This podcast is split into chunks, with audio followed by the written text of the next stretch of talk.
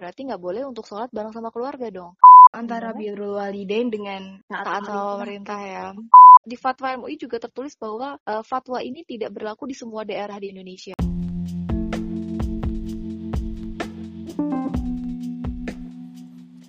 Bismillahirrahmanirrahim Assalamualaikum warahmatullahi wabarakatuh Halo guys, apa kabar? Ini adalah minggu ketiga dari stay at home Semoga di mana pun kalian berada, kalian selalu dalam keadaan baik-baik aja dan selalu dalam perlindungan Allah. Amin.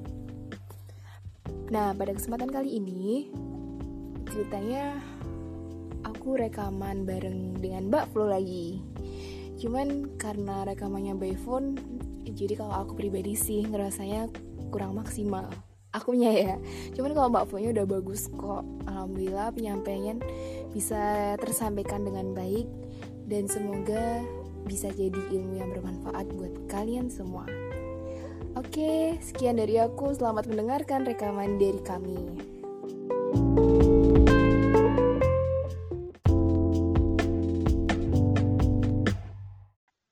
Assalamualaikum Mbak Flo. Waalaikumsalam Isna. Oh akhirnya kita ketemu lagi. Iya. Lama banget dari kemarin rencanain mau podcast tapi nggak jadi-jadi terus ya. Iya dan ini kita nggak ketemu langsung ya Isna ya. Iya kita lewat by phone. kita sama-sama menerapkan uh, stay at home. Iya. tapi tetap produktif buat podcast, masya Allah. Amin. Iya.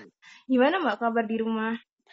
Alhamdulillah baik, sudah Mas... memasuki pekan ketiga. Ketiga, iya. Uh, uh, karena Umar, ya itu pekan ketiga Umar di uh, diliburkan mm -hmm. dari sekolah, tapi tetap ada pelajaran karena kan dikirim tugas sama oh. ustazahnya. Jadi walaupun TK tetap ada penugasan, cuman memang nggak se apa ya, nggak seketat kalau yang jenjang pendidikannya lebih tinggi. Ini cuman ya aspek kognitifnya, aspek motorik kasar, motorik halus, dan lebih hmm. banyak ke permainan-permainan sih, alhamdulillah. Ya, jadi sudah masuk pekan ketiga, sudah mulai harus banyak uh, kreasi dan lebih kreatif lagi kan.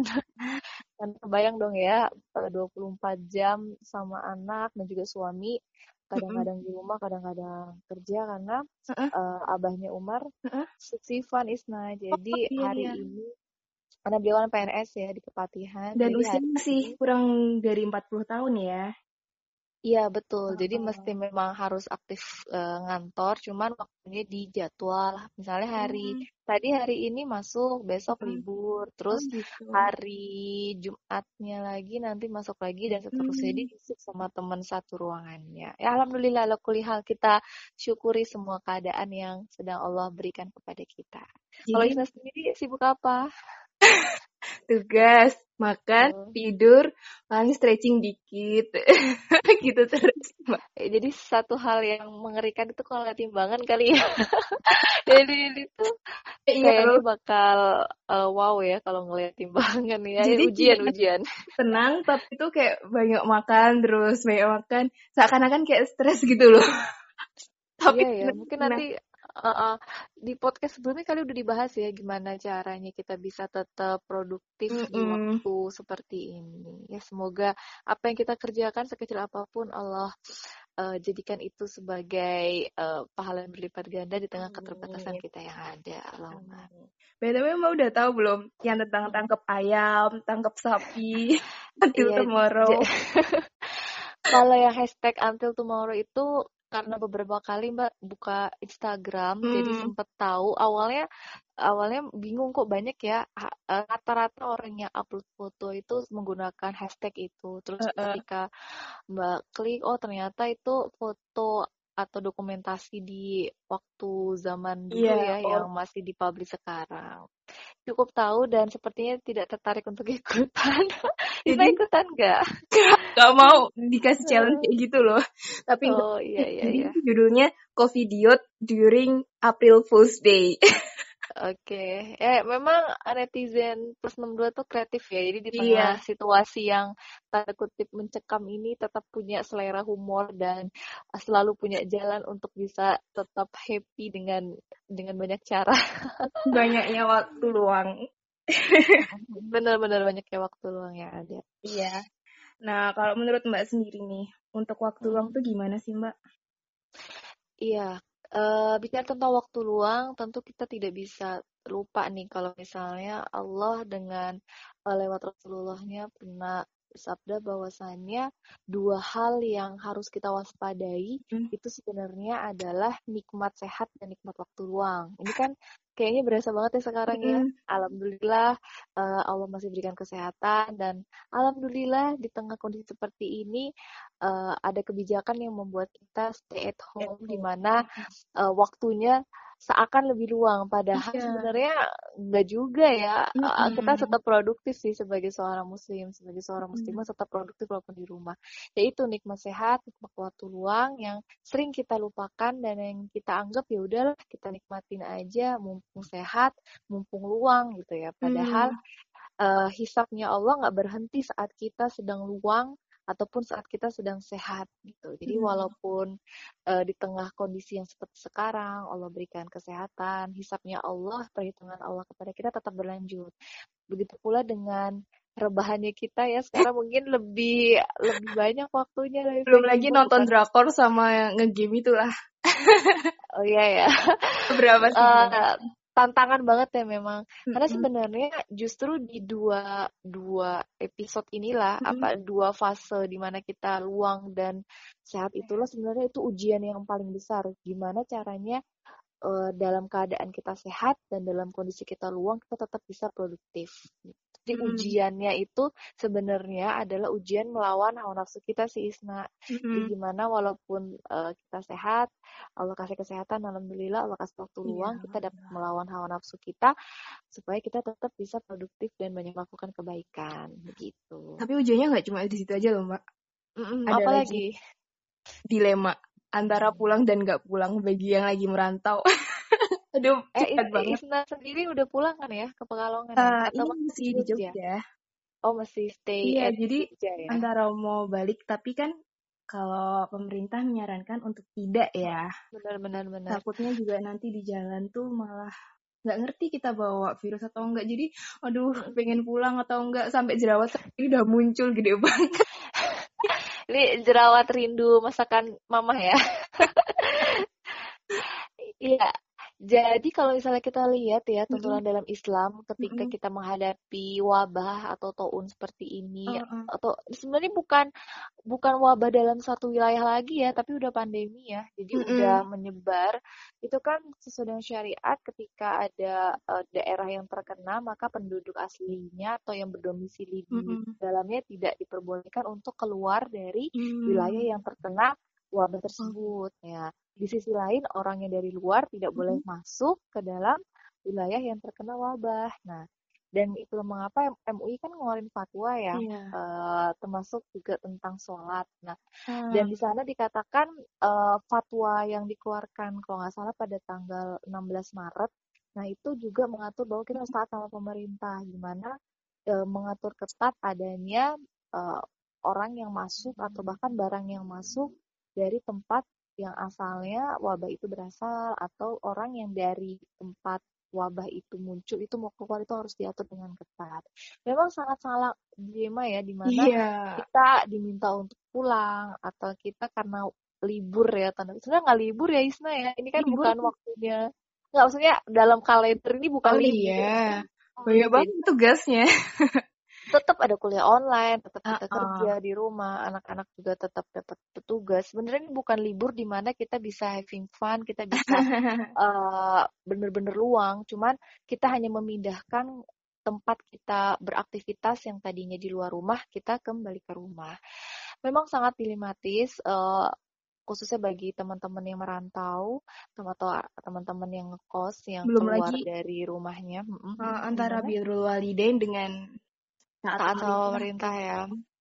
Kalau Isna sendiri gimana nih pendapatnya? Lebih condong ke yang mana?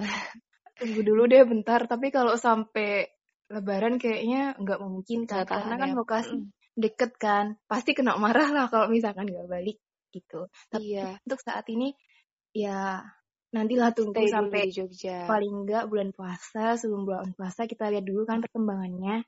Kita tetap Betul. optimis kali aja bisa udah turun kan kurvanya udah bisa dikatakan aman iya, gitu. kurvanya lebih melandai ya mm-hmm. uh, iya sih kalau misalnya kita melihat dalam kondisi seperti ini buat teman-teman juga yang mendengarkan podcast ini yang pasti kita uh, harus terus mendekatkan diri kita kepada Allah stay close uh, with Allah stay close with Quran kita mm-hmm. jangan pernah uh, jangan pernah membuat waktu luang yang telah diberikan ini membuat kita jauh dari uh, Allah kita menjauhkan diri dari ibadah kita hmm.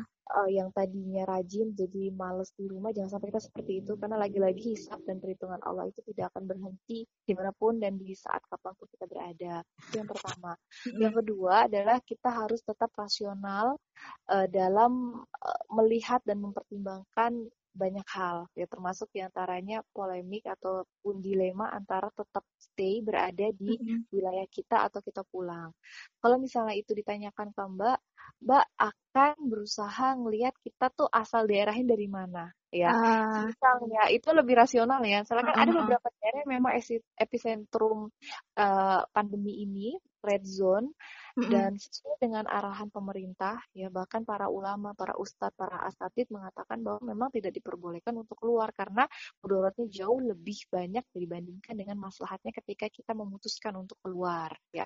Uh, Makanya juga banyak kebijakan ya uh, sepertinya uh, dari Jabodetabek itu juga akan mulai tidak lockdown sih tapi lebih kepada pembatasan. Ya. Uh ah himbauannya pembatasan yang lebih maksimal dibandingkan dengan waktu sebelumnya.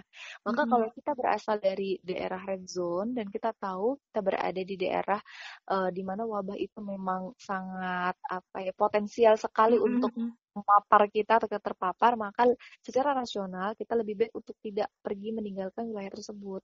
Karena kita tahu kalau misalnya mm -hmm. kita keluar, uh, bisa jadi kita sehat, tapi kita kan karier ya, bisa jadi yeah, kita itu dia. Uh, uh, dan ternyata kita yang niatnya mau berwalidain sama orang tua, mm -hmm. kita uh, bawa paparan itu dan itu kena kepada orang tua kita yang di mana mudaratnya jauh lebih besar dibandingkan dengan kita hanya ingin melepas rasa rindu. Nah, oh, Islam sih mbak uh, saking bingungnya sholat istiharah mbak.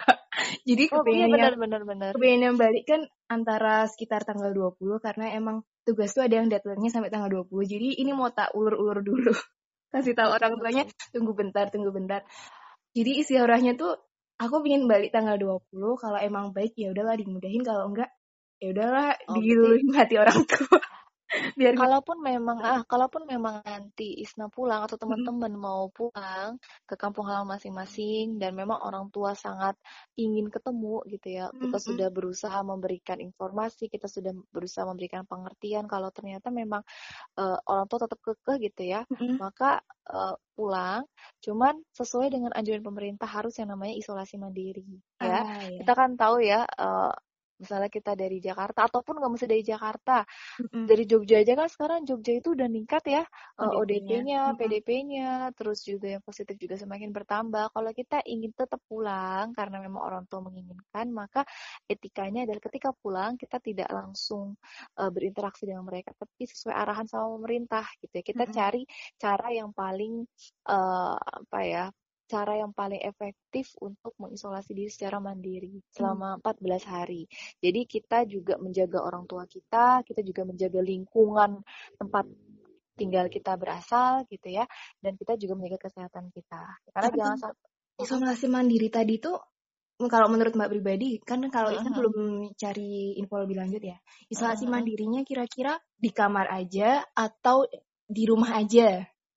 Oh ya, uh, mungkin nanti kalau misalnya lebih jelasnya bisa ini ya lihat panduan iya dari uh, ke, dinas kesehatan atau misal dari WHO. Cuman itu uh, di rumah aja sih.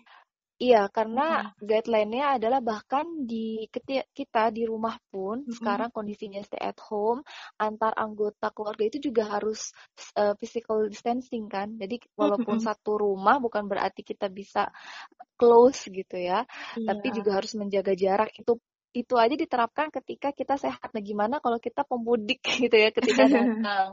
Maka ya lebih amannya ya stay di kamar ataupun kalau misalnya mau keluar kamar, mau ini ya kita tetap jaga jarak. Uh, amannya kan 2 meter ya kalau bisa 2 meter ya dua meter lah jangan sampai cuma satu meter itu belum terlalu aman jaraknya jadi kita bisa uh, melakukan distancing dulu sama orang tua kita dan saya rasa mm-hmm. orang tua juga paham lah karena kan arus informasi sangat deras ya jadi yeah. tidak hanya lewat TV tapi di WhatsApp WhatsApp itu sepertinya sudah mulai menyebar informasi seperti itu dan lagi yang harus diperhatikan ini tidak menggunakan alat makan yang sama dengan anggota mm. keluarga yang lain jadi kita harus punya uh, bukan punya ya kita harus ya ini uh, memegang alat makan yang tidak dipakai oleh bergantian oleh anggota keluarga lain. Nah, Jadi kan dipisahin kan, ya? Mm, dipisahin ya. Makanya kalau teman-teman nih yang mendengarkan podcast mm -hmm. ini mau berencana mudik, uh, menghabiskan hari raya Idul Fitri atau ya deket-deket Ramadan bersama, maka silakan mudik. Cuma mudiklah kembalilah ke kampung halaman dengan cara yang aman dan sesuai dengan ajaran pemerintah, dan sesuai dengan syariat juga. Jadi jalankan isolasi mandiri, uh, Eh, physical distancing dulu sama orang tua ya. Karena birrul walidain kan tidak hanya uh, interaksi secara fisik ya teman-temannya. Kalaupun kepepetnya memang uh, tidak tidak bisa keluar dari wilayah teman-teman birrul walidain tetap bisa dijalankan. Komunikasi tetap bisa dilakukan dengan orang tua. Dan yang terpenting adalah doa. Ya, jadi ya. banyak orang yang menganggap bahwa birrul walidain itu hanya sekedar kedekatan fisik. Itu juga merupakan bagian tapi doa walaupun kita tidak bertemu secara langsung doa yang baik untuk orang tua kita menjaga kesehatan orang tua kita dengan doa-doa kita atau kita misalnya yeah. mengirim informasi yang positif gitu ya mm -hmm. atau hal-hal yang baik kepada orang tua itu juga bagian dari diri walidain mm. seperti itu nah tadi menyinggung sedikit tentang sholat ya mm -hmm. ada beberapa teman-teman yang mungkin kalau waktu di Jogja kesadaran mm. udah cukup baik untuk sholat okay. jadi uh, mereka tuh nggak jamaah lagi, sholat Jumat udah ditiadakan. Kebanyakan hmm. sih ya, mostly. Tapi kalau di beberapa daerah, di kampung halaman itu, mereka kesadaran itu belum tinggi. Jadi kalau hmm. mau ngelarang sholat nanti masih gimana? Ada kan hmm. beberapa yang nggak pro dengan pemerintah kan. Jadi mereka nggak betul, betul. sama NU. Iya.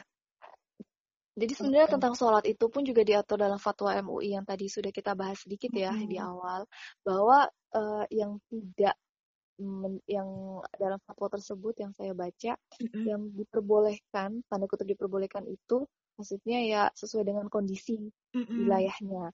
Jika kita memang di wilayah yang tingkat uh, tingkat orang yang positif, yang mm-hmm. ODP, yang PDP-nya tinggi, maka memang fatwa MUI itu harus dilaksanakan di mana hmm. sholat Jumat tidak boleh dijalankan hmm. uh, sholat lima waktu bahkan masih ditutup ya. Karena di rumah uh, Mbak juga itu udah nggak ada sholat Jumat lagi udah nggak ada sholat lima waktu bahkan azannya juga udah diganti ya tahu Isna ya lafalnya ya? Uh, uh, buyu uh, fi buyutikum sholat di rumah. Dan itu memang memang harus kita lakukan itu sesuai dengan apa yang dituliskan di fatwa dan kita sebagai orang beriman, orang yang muslim, muslimah, insya Allah kita harus taat ya dengan uh, apa yang dilakukan, apa yang dituliskan, apa yang disepakati oleh para ulama kita. Dan PR-nya hmm. memang yang ada di daerah. Dalam fatwa hmm. tersebut dikatakan yeah. kalau misalnya memang daerah tersebut uh, masih aman. Kalau tempat ya, Isna masih satu sih mbak, jadi yang positif alhamdulillah cuma satu dan meninggal. Tapi ODP hmm. ada beberapa Hmm. Ada beberapa masjid yang masih menyelenggarakan, tapi ada yang udah close. Bahkan kemarin okay, close. mama juga cerita orang wakil wali kotanya juga masih sholat kok sholat Jumat di masjid gedenya. Betul. Jadi memang kita nggak bisa hmm. memaksakan bahwa di fatwa itu di fatwa MUI juga tertulis bahwa uh, fatwa ini tidak berlaku di semua daerah di Indonesia. Oh, Jadi bukan berarti uh, yang tidak sholat Jumat di satu daerah ini merupakan keharusan di wilayah lain tidak, hmm. tapi memang di daerah-daerah yang tingkat tadi orangnya yang terpapar itu lebih tinggi dan potensi uh, potensial untuk lebih terpapar lagi kalau misalnya memang melaksanakan sholat uh, di masjid. Cuma kalau di daerah di daerah-daerah yang hmm. memang hmm. dirasa aman dan terkendali maka fatwanya tidak berlaku. Jadi sholat Jumat tetap bisa dijalankan, sholat lima waktu juga tetap dijalankan uh, kalau kita kembali lagi, memang setiap daerah kan punya permasalahannya masing-masing ya, yeah. punya uh, alur informasi yang berbeda-beda. Nah, bisa jadi ada satu daerah yang tetap menjalankan sholat Jumat atau sholat lima waktu di masjid memang karena kondisinya terkendali gitu ya dan pemerintah sana memang menjamin bahwa di sini masih uh, aman gitu maka Ah. kita ikuti pemerintahnya cuman uh, fatwa yang harus kita dengarkan itu lebih kepada fatwa hati sih sebenarnya Isa. Hmm. Kalau misalnya kita memilih yang aman uh, dan karena kita tahu informasi yang masuk di daerah tersebut lebih baik kita tidak sholat di masjid maka is oke okay kalau kita tidak menjalankan kalau kita sebagai seorang perempuan kan memang sholat yang terbaik kan di rumah ya yeah. Uh, kalaupun yang mendengarkan ini ada yang laki-laki dan tahu kalau misalnya di daerah tersebut sebenarnya aman terkendali ya sholat jumat aja is oke okay. cuman kalau kita tahu ada informasi di sana potensi untuk kesebar maka lebih baik kita uh, tidak melakukan sholat jumat tapi tetap melaksanakan sholat zuhur di rumah PR-nya adalah uh, memberikan informasi yang valid kepada uh, para apa ya pengurus masjid kali ya ataupun Takmir. kepada takmirnya -huh. dan memang itu perlu effort yang sangat tinggi di mana mungkin kesenjangan tingkat pendidikan oh, atau iya. kesenjangan usia nah itu jadi PR lagi dan memang butuh waktu yang tidak uh, tidak sebentar mm -hmm. tidak instan jadi kita perlu dengan cara komunikasi yang baik dan memang cerita sendiri ya kalau yeah. di masjid Mbak memang kebetulan Abah Umar itu kan pengurus takmir jadi lebih mm -hmm. mudah untuk bisa membuat keputusan ya. Oh. asalkan uh, memang berdasarkan informasi yang dapat dipertanggungjawabkan ya. Karena iya, terkadang ada tipikal orang apalagi yang sudah lebih senior di atas kita memang iya, lebih dia. Hmm, memang lebih butuh ini ya butuh apa ya? Butuh edukasi yang lebih. edukasi yang lebih dan bisa jadi itu mereka mendengarkan itu lebih mudah bukan dari lisan kita sih tapi lebih dari data misalnya dari orang-orang yang lebih mereka hormati lagi gitu ya dari segi hmm. uh, usia juga mungkin lebih senior lagi. Ya kembali ke daerah masing-masing Isna. Jadi mari kita pahami fatwa MUI ini dengan rasional dan yang penting adalah jangan baca fatwa itu cuma sepotong-sepotong Isna. Karena seringnya cuma baca satu poin tapi dia nggak baca uh, poin yang lainnya. Ada juga di fatwa MUI itu dikatakan bahwa haram hukumnya untuk menimbun masker atau menimbun hand sanitizer. Nah mungkin orang nggak banyak yang baca poin itu, tapi iya. lebih banyak yang pro kontra masalah sholat. Nah, dia ribut masalah sholat, tapi ternyata dia nimbun hand sanitizer. Kan itu sama aja ya, maksudnya yeah. itu diharamkan juga. Nah, makanya bacalah fatwa itu secara keseluruhan, jangan sepotong-sepotong, dan dinilai lagi apakah memang sesuai dijalankan di uh, daerah kita. Karena dalam fatwa itu tidak berlaku untuk satu Indonesia, tapi lagi-lagi di masing-masing daerah punya uh, PR-nya masing-masing, punya keadaannya masing-masing yang berbeda. Begitu, Isna. Nah, kalau sholat jamaah tadi, uh, uh, sorry, kalau di rumah, terus kita uh. mau melaksanakan sholat jamaah dengan keluarga, uh. misal nih ada Isna dengan Mama, apa uh. perlu memberikan jarak atau tetap harus berdekatan? Oke, okay. uh, kalau misalnya uh, sholat imamnya laki-laki, makmumnya perempuan kan otomatis sudah ada jarak ya, yeah. karena kan di depan sama di belakang. Tapi kalau misalnya masalahnya uh, sholatnya itu sesama jamaah perempuan, berarti kan harusnya ber apa ya, berdempet ya, yeah. apa berbeda dengan kondisi jamaahnya laki-laki sama perempuan. Uh, Sebenarnya untuk uh, sholat untuk rapat saf itu bukan merupakan uh, syarat sah dan misalnya kita nggak rapat nih yeah. dan ternyata kita sholatnya apakah itu sah atau tidak kan tidak membatalkan sholat kita kami maksudnya ya hmm. karena kan misalnya kita sholat gitu ya sholat jamaah ini di luar ini deh di luar uh, pandemi uh-uh. uh, dalam keadaan yang normal pun antar jamaah perempuan kan belum tentu mepet ya nak ya yeah, yeah. ya saat normal gitu ya nah uh-uh. Uh, apalagi sekarang kondisinya sedang uh, di luar normal gitu ya kita sedang diuji oleh pandemi ini maka kalau misalnya menurut pendapat mbak kalau misalnya dirasa sehat satu keluarga sehat ya is oke okay, mepet aja tapi kalau misalnya masih ada ganjalan-ganjalan mm-hmm. maka kalaupun dikasih jarak ya jangan sampai terlalu jauh cuman mm-hmm. kalau mbak pribadi sih kalau kita sudah sholat jamaah di rumah ya pastikan memang anggota keluarga kita sehat ya kembali yeah. lagi ke poin yang awal tadi nak misalnya Isna nih baru datang dari Jogja mudik mm -hmm. nih ke Pekalongan mm -hmm. atau ke tempat teman-teman dari temannya apa daerah kalian kalian pulang mm -hmm. ke rumah terus kalian melaksanakan isolasi mandiri Berarti kalau sholat di rumah perlu deket-deketan nggak? Tergantung kan tadi uh, perempuan iya. atau laki-lakinya. Nah, Terus kalau misal, anggota keluarganya juga. Kalau selama dia masih selama 14 hari berarti nggak boleh untuk sholat bareng sama keluarga dong. Oh, berarti sendiri? Kan, iya kan isolasi mandiri. Oh, isolasi oh, iya. mandiri. Mm -mm. Jadi memang kita memang ambil ambil ininya, ambil tindakan yang lebih banyak masalahnya.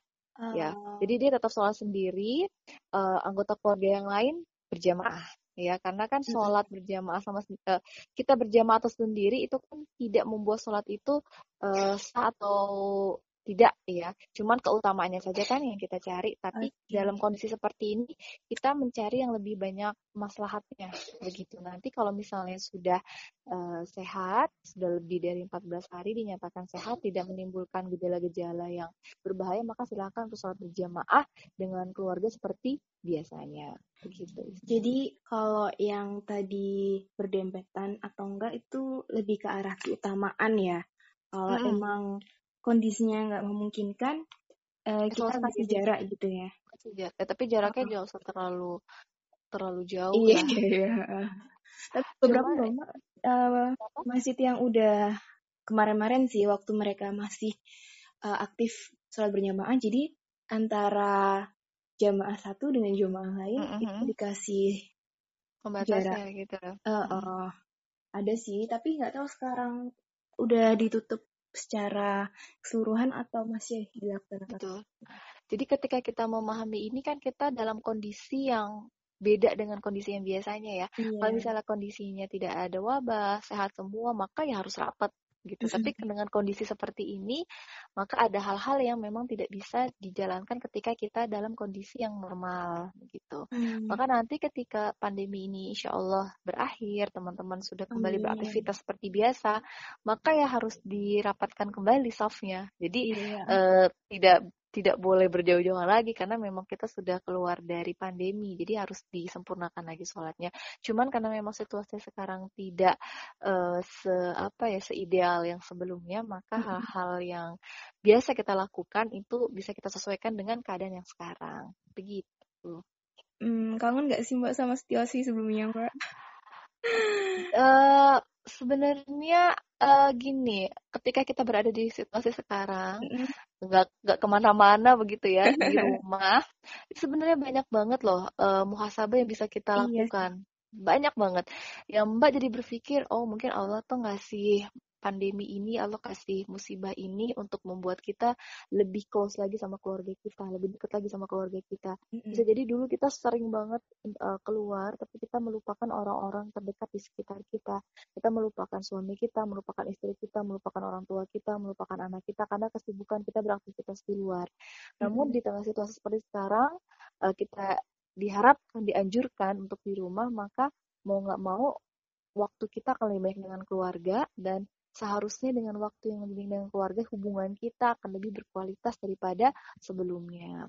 Begitu. Jadi ya dinikmati aja sih dinikmati aja uh, setiap apa yang kita alami sekarang itu yeah. mbak yakin banget akan kita rindukan di masa yang akan uh, di masa depan gitu ya. Nanti ketika Jadi, kita uh. sudah normal lagi sudah balik lagi kita beraktivitas kita akan ada suatu titik di mana oh ya aku pernah loh bersama keluarga dalam kondisi stay at home. Oh ternyata ini dirindukan karena bisa jadi apa yang kita lakukan sekarang itu gak akan terjadi di masa-masa yang uh, masa-masa mendatang. Jadi dinikmati aja.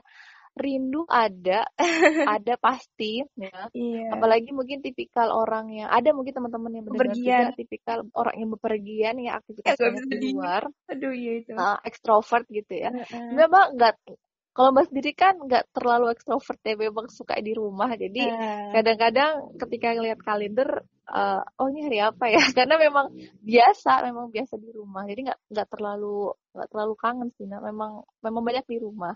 Hmm. Cuman mungkin ini ya teman-teman yang aktivitasnya awalnya padat ya di luar tiba-tiba yeah. di rumah mungkin rindu. Rindu is okay nggak apa-apa. Cuman coba kerinduannya di ini aja apa ya kita ganti rindu dengan rasa syukur ketika berada di rumah. Iya. Nah, itu akan membuat kita lebih bahagia. Jangan sampai ketika berada di rumah justru kita uh, jadi murung gitu ya. Psikosomatik. Uh, jadi bete. Iya betul, ini psikosomatis. Jadi Aduh, nanti aduh, tadinya harus ada bahasan sendiri nih ya. bener nih ya nanti bisa sama pakarnya yang tadinya nggak sakit tiba-tiba jadi batuk, tiba-tiba jadi yang merasa demam nah itu ya. Dan itu nanti akan membuat imunitas kita berkurang. Kan sebenarnya eh, salah satu kunci kita melawan wabah ini kan dengan imunitas yang baik ya. Maka diharapkan kita happy di rumah dengan situasi apa pun yang terjadi. Insya Allah dengan happy kita dekat sama Allah, dekat dengan Quran, ibadahnya bagus. Imunitas kita insya Allah juga akan semakin meningkat. Begitu. tadi lihat di story teman, jadi Mm-mm. itu mungkin sisi positif dari pandemi ini tuh di Mm. Jakarta itu benar-benar bersih banget polusi, saking bersihnya. Mm-mm. Jadi gunung yang di sekitar daerah Jakarta Kelihatan itu, ya. ya, masya Iya. Allah. Iya, dan kayaknya itu berdampak gak cuma di Jakarta. Ya Mbak lihat juga se bumi itu akan lebih sehat. ya karena kan banyak yang nggak bepergian, di mana kita tidak mengeluarkan gas-gas yang beracun Iya. ketika berkendara. Ya selalu ada positifnya sih. Jadi orang yang selalu bahagia adalah orang yang selalu dapat mengambil hikmah kebaikan dalam setiap kondisi di mana pun dia berada saat itu. Jadi ya bismillah kalau kita bahagia dalam koridor yang sesuai dengan syariat, maka dalam musibah sekalipun selalu ada kebahagiaan di sana. Dalam musibah sekalipun selalu ada keberkahan di sana. Begitu insya Allah. Oke, terakhir pesan Mm-mm. cantik selama Oh, di rumah cantik. aja. Untuk yang di rumah aja, terus Mm-mm. untuk yang mau nggak mau harus keluar, pesan cantiknya dong, nasihat. Oke. Buat yang ada di rumah, manfaatkan waktu dengan sebaik-baiknya. Eh, jangan sampai kita hanya rebahan tapi tidak ada tidak ada apanya ya, tidak ada manfaatnya.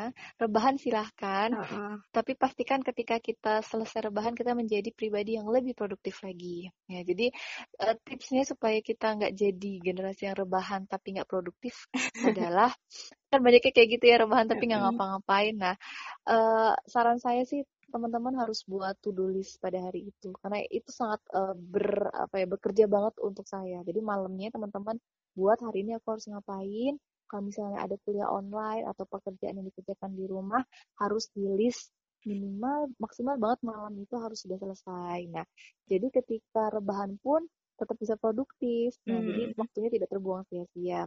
Seperti itu dan eh, jaga arus informasi yang masuk karena biasanya ketika kita memiliki banyak waktu luang kita lebih mudah untuk pegang gadget kita kita bisa lebih mudah untuk banyak membaca informasi yang terpenting adalah kita filter mana informasi yang memang berguna atau informasi yang ternyata hoax belaka karena kan sekarang banyak banget kan Iya. informasi yang nggak dikenal tapi masuk ke WhatsApp grup kita Tahu nggak eh, Mbak, dan ada kita lagi sebarkan tentang informasi yang salah. Jadi tuh Mm-mm. jenazah yang mau dikuburin sampai nggak dibolehin tahu.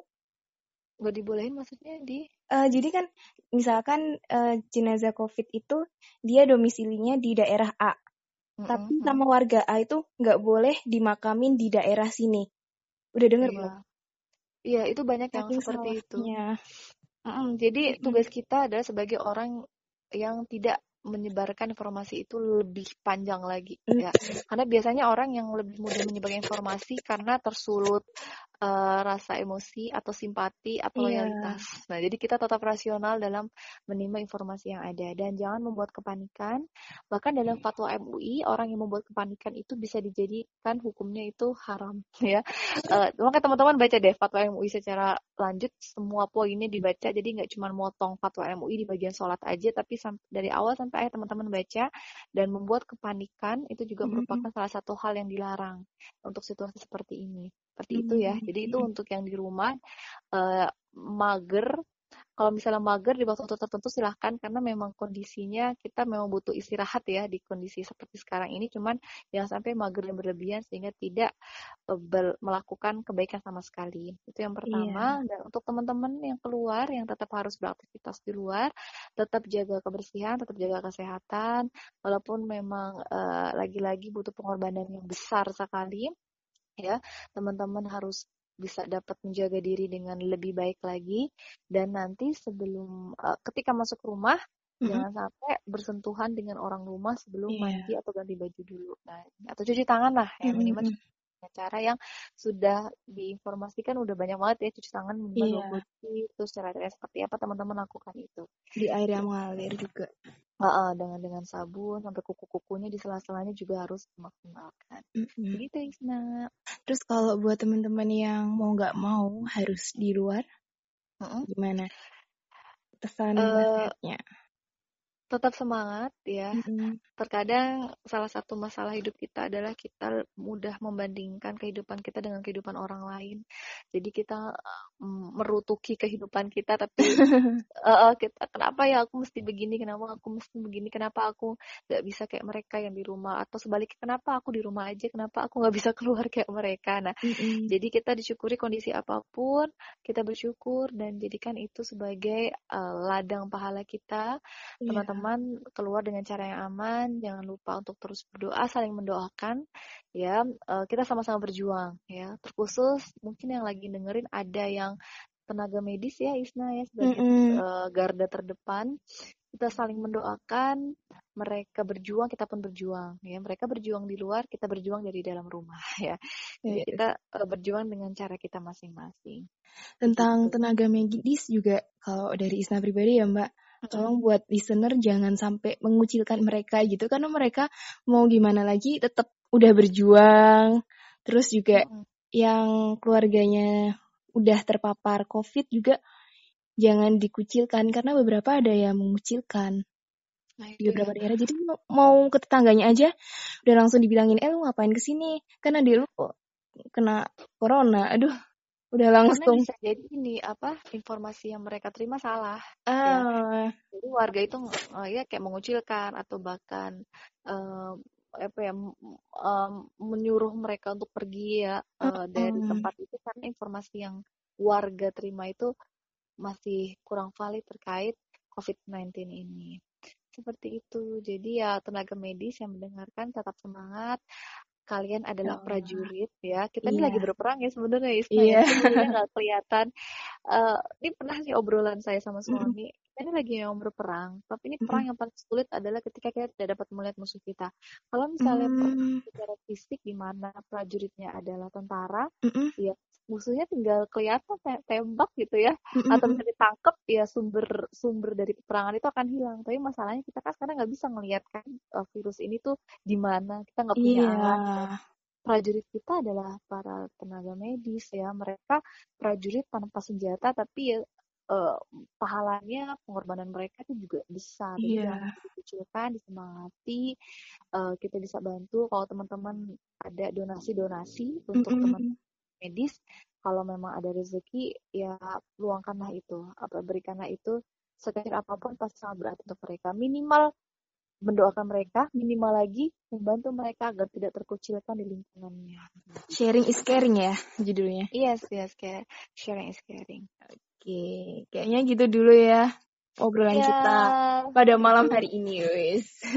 iya terima Iya. kasih banyak Terima ya kasih Mbak Flo Jazak. Jazakillah khairan. Baik, Kis, Iya, uh, stay stay safe, stay healthy, and iya, stay at home. iya, dan tetap produktif. Betul, and stay produktif. Oh, jangan lupa, ya mungkin terakhir kali ya, nak terakhir banget. Kita sebentar lagi mau Ramadan, teman-teman. Eh, jangan sampai mm, pandemi ini, COVID-19 ini membuat kita lalai untuk mempersiapkan diri menuju. Ramadan. Iya, Karena Ramadan tinggal hitungan hari lagi, nggak nyampe sebulan lagi. Mudah-mudahan Allah sampaikan kita ke bulan Ramadan. Jadi persiapan amin. Secara ruhiyah juga jangan dilupakan persiapan secara konsep ya secara keilmuan juga harus dipersiapkan dibuka-buka lagi Iya. Jangan lupa hutang puasa. hmm betul apa buka apa Hutang dah hutang puasa. ya hutang puasa ya yang kemarin belum di eh, dikodok segera dijalankan jangan sampai ditunda-tunda itu juga persiapan secara fisik ya secara jasadi harus di Mm-mm. eh, ditingkatkan lagi intinya kita semua berharap agar pandemi ini, wabah ini segera berakhir supaya kita dapat maksimal menjalankan ibadah kita di bulan Ramadan. Begitu. Amin. Allahumma amin. Amin. Ya. Oke, gitu dulu ya, listener. Semuanya makasih Mbak Flo sekali lagi. Semoga semuanya juga stay safe di mana pun Amin. kita berada. Saling mendoakan ya. Iya. Ya. Oke, bye now. Assalamualaikum warahmatullahi wabarakatuh. Assalamualaikum warahmatullahi wabarakatuh.